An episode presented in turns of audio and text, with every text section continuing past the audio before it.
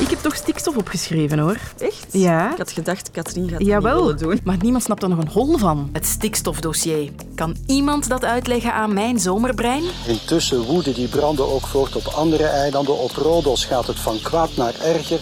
En ook op Corfu lijkt het toch nog helemaal niet voorbij te zijn. Bosbranden en extreem weer. Is het echt de klimaatverandering? So, Kylie, are you coming to Vegas? Yes, I am coming to Vegas. En wat hebben al die artiesten te zoeken in Las Vegas? Dat is meer dan genoeg stof voor 15 minuten. Ik ben Katrien Boon. Ben je jarig? Ja. Nu? Ja? Maar dat wist ik helemaal niet. Hier zijn wafels. Gelukkige verjaardag. En ja, ook op mijn verjaardag maak ik voor jou een kwartier. Dus ja, hier gaan we weer. We moeten het nog eens hebben over stikstof. Sorry, ik weet het. Het is niet het meest sprankelende zomeronderwerp, maar het gaat er alweer over. En ik zeg alweer, want die hele discussie die gaat intussen al een tijdje mee. Alles begint natuurlijk bij stikstof, de stof zelf. Die wordt uitgestoten door landbouw en industrie en stikstof is slecht voor onze natuur en onze gezondheid. Dus daar zijn regels voor nodig. Gevolg: grote politieke discussies. En voilà, daar was een krokusakkoord vorig jaar in 2022, tot grote vreugde van de Vlaamse minister-president Jan Jan Bon. Om het met een boutade te zeggen, voor dit akkoord hebben we water en vuur met elkaar verzoend. Water en vuur. Maar dat akkoord bleek dan toch nog niet helemaal in kannen en kruiken, want snel daarna werden de gevolgen voor de landbouw duidelijk. Veel bedrijven zouden moeten sluiten, de boeren waren boos en de discussie werd weer geopend. Maar ook daar kwam een oplossing voor. Op 10 maart van dit jaar hadden we opnieuw een stikstofakkoord. Uiteindelijk bleken alle partijen overtuigd dat we dat akkoord moesten sluiten, dat we die knopen moesten doorhakken en dat iedereen daarvoor de spreekwoordelijke slok water in de wijn heeft moeten doen. Met al die akkoorden zou je stilaan gaan denken dat de kous af is, maar nee. Het stikstofdossier staat dus opnieuw in alle kranten en op alle nieuwssites. Hier zijn we weer met stikstof. Het houdt nooit op. En Lonne van Erp van onze politieke redactie legt het me uit.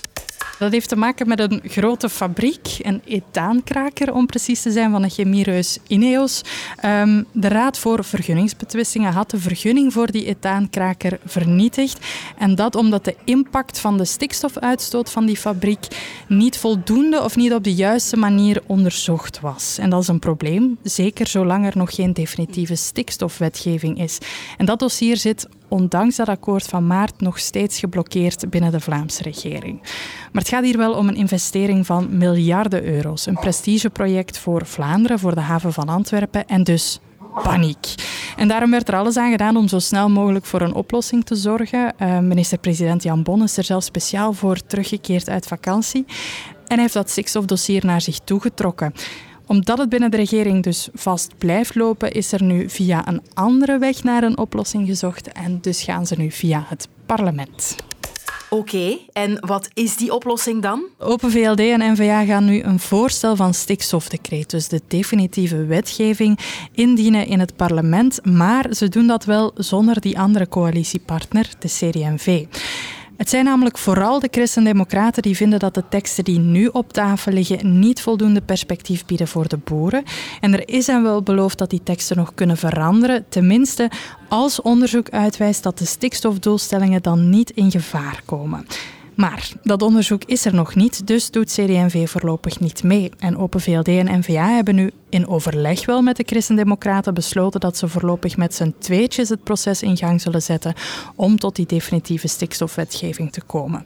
Nu, in de kranten lees je dan heel veel dat CD&V buiten spel wordt gezet, dat de regering uit elkaar aan het vallen is. Nu, het klopt, hè, er is crisis en er is al lang crisis, maar die is zeker niet erger geworden, want je zou het ook kunnen interpreteren als een poging om de boel wat te kalmeren.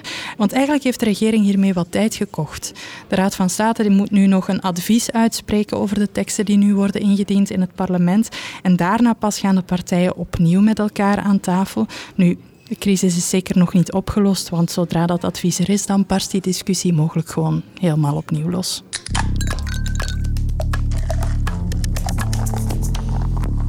Hoe zomers de jingles van dit kwartier ook mogen klinken, hier in België moeten we het deze dagen doen met buien en motregen.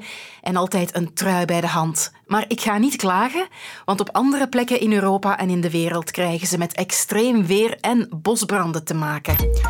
En rondom de Middellandse Zee blijven brandweerlui intussen nog altijd vechten tegen de vele bosbranden. Eerst waren er brandhaarden op de eilanden Rodos, Corfu en Evia, maar nu zijn er ook bosbranden op het Griekse vasteland. Er worden ook extreem hoge temperaturen verwacht in Tsjechië, Polen en het oosten van Frankrijk. In 15 Italiaanse steden is voor het weekend code rood uitgeroepen. Maar ook Kroatië en Portugal kampen intussen met bosbranden. Dat is ook het geval aan de Turkse kust in Antalya, waar enkele huizen en een ziekenhuis ontruimd zijn. Als je dat allemaal hoort, dan wordt de link met klimaatverandering snel gelegd. Maar klopt dat wel? Heeft dit echt met klimaatverandering te maken of horen die extremen gewoon bij het weer? En trouwens, zijn veel van die bosbranden niet gewoon aangestoken? Het zijn vragen die heel veel gesteld worden en dus haal ik er drie experts bij met drie conclusies. Conclusie 1 komt van David de Heenau, hoofdweersvoorspellingen bij het KMI. Zelfs als de bosbranden aangestoken zijn, speelt klimaatverandering een rol. Je moet wel kijken ook naar de toestand van de bodem. Als je daar meerdere dagen, we hebben nu die hittegolf die daar twee weken duurt, met temperaturen tussen 35 en 45 graden, niet altijd op dezelfde plaats meer dan 40 graden, maar als dat twee weken duurt, dan ondanks het feit dat je vochtige bodem had voordien, want het heeft al redelijk wel wat geregend in het Middellandse zeegebied de weken ervoor, maar als je zo hoge temperaturen hebt gedurende twee weken, dan gaat die bodem zeer sterk uitdrogen. En ja, als je het dan aansteekt, eh, dan heb je natuurlijk uh, het effect van die droge bodem. En en, en dan gaat het heel snel. Conclusie 2, die is van Bart Muis, professor bosbeheer. Er zijn niet meer bosbranden, maar wel meer grote bosbranden. De statistieken tonen inderdaad dat er niet uh, echt een, sprake is van toename van aantal branden, ook niet toename van aantal hectare verbrand per jaar. Maar uh, het grote probleem is eigenlijk dat er een tendens is naar meer grote megabranden. Dus uh, branden die slachtoffers kunnen maken en veel economische schade veroorzaken. En dat heeft te maken met die continuïteit van het landschap, met gigantisch veel biomassa, maar ook met de succesvolle bosbrandbestrijding. Men heeft dat ook in Californië gezien als je 100 jaar aan een stuk uh, succesvol bosbranden bestrijdt, dan ga je biomassa opbouwen en ga je eigenlijk uh, de perfecte cocktail krijgen voor een onblusbare brand. En tot conclusie 3 komt Gert-Jan Nabuurs, hoogleraar Europees Bos. Dat extreme weer heeft wel degelijk met de klimaatverandering te maken, maar ook met El Niño. Daarom kun je de, de huidige extreme niet alleen maar aan klimaatverandering toeschrijven, maar ook uh, zal het ook door, voor een deel door het El Niño-effect veroorzaakt worden. Dat heeft te maken met de zeestromen in de stille Zuidzee. Eens in de 7, 8 jaar uh, veranderen die stromingen door, door warmteopbouw in bepaalde delen van die zee. Verandert die zeestroming en dat heeft een effect op het hele wereldklimaat. Het is behoorlijk onvoorspelbaar wat er dan precies gaat gebeuren maar het leidt wel ook nog eens tot extra extreme. En bijvoorbeeld de, de, de hele zware regenval in, eh, in Zuid-Korea. Dus meer regenval in Azië kan daarbij horen, meer orkanen kunnen daarbij horen. Uh, maar ook grote droogtes en, en hittes. Waar dat dan precies optreedt is, is moeilijk te zeggen. Is ook wel elke El Nino een beetje verschillend. Maar uh, de, de extreme worden deels ook waarschijnlijk veroorzaakt door de El Nino.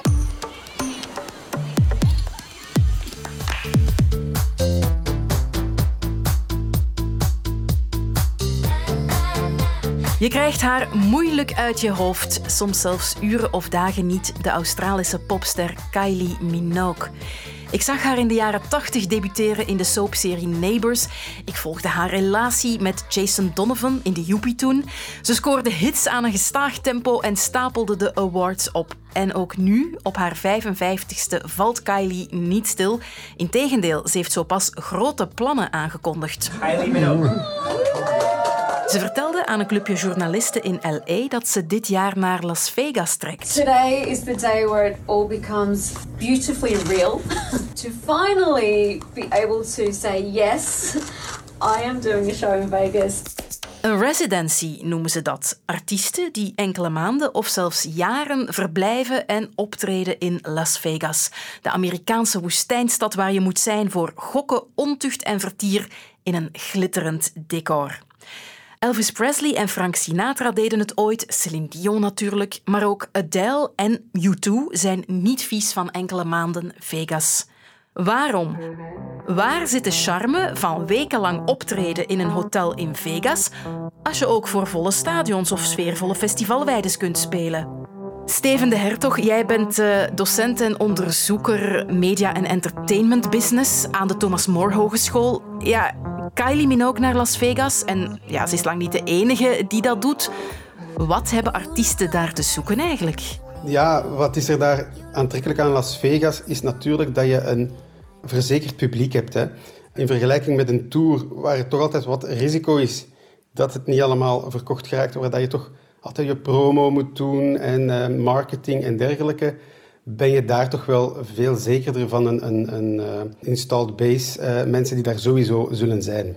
Maar je moet toch al een zekere naam en faam hebben voor je die stap zet? Ja, dat klopt. We hebben het hier over de Celine Dion's, Britney Spears, Elton John's, Adele's van de wereld, die dat kunnen doen. Nu, Kylie is een beetje, een beetje anders. Zij is natuurlijk heel groot bij ons in Europa.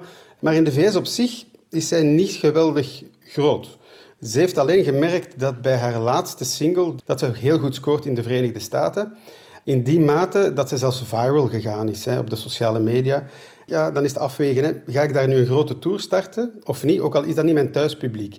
En dan is het wel gekomen als de Venetian, wat een groot hotelcomplex is in, in Las Vegas, zegt van kijk, kom maar bij ons.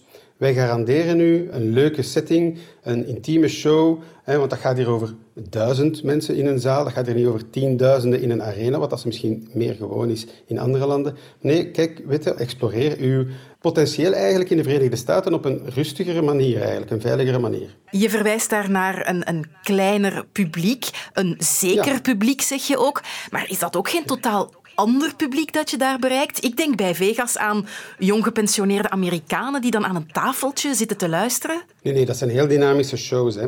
Ja, voor een Adele bijvoorbeeld, die is zelf nog jong hè, en, en, en die gaat daar niet willen voor de gepensioneerde mond uh, staan show geven. Nou, mogen ook niet vergeten, Las Vegas is ook vrijgezellenfeesten, is uh, what happens in Vegas stays in Vegas atmosfeer. Dat is veel meer dan alleen dat slaperige gepensioneerde bond gegeven. Dus, dus wilder dan nee, ik dat denk. Dat zou ik niet, niet, niet, zo zien. Bovendien, die settings van die residencies, die resorts, die hebben heel veel mogelijkheden op vlak van spetterende shows maken. Hè. Naar vuurwerk, belichting. Um, Kylie sprak zelf van in het verleden dat ze dat al overwoog met een bepaalde show die ze had met uh, fonteinen die echt uh, zeer synchroon moeten verlopen. Dus dat gaat over spetterende shows, niet echt een slaperig groenersconcert.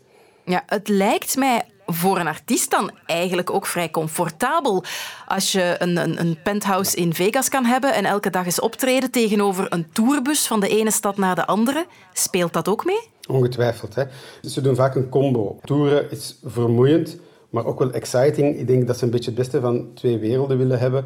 Uh, zo'n residency betekent niet het einde van je tourcarrière. Is het financieel eigenlijk interessant, zo'n residency? Ja, dan hebben we het uh, toch over Um, ja, zo'n Adele, een, een Céline Dion tussen een half miljoen en een miljoen dollar per avond dat die verdienen. Dat is niet min. Dus eh, als we kijken naar een, een Ed Sheeran die 3 miljoen verdient met Wembley uit te verkopen, tegenover Adele die 1, misschien tot 2 miljoen per avond verdient door een concert voor 2000 personen, dan zie je wel het verschil. Maar ik weet niet of dat Ed Sheeran zit te wachten op een residency en houdt hij meer van de adrenaline die toch komt van die grote stadions. Het is niet alleen financieel, denk ik, waar het over gaat. Oké, maar ik begrijp toch ook dat mijn beeld van zo'n Las Vegas residency als een muzikaal pensioen, dat dat ook niet helemaal klopt. Klopt deels. Het is deels een stukje zekerheid, een stukje rust en toch plezier, hè, want ze zitten daar niet tegen hun goesting. Maar dat vaak toch nog gecombineerd wordt met, en weet je wat, ik heb een nieuw album, ik ga toch op tour, ik wil af en toe toch nog eens een stadion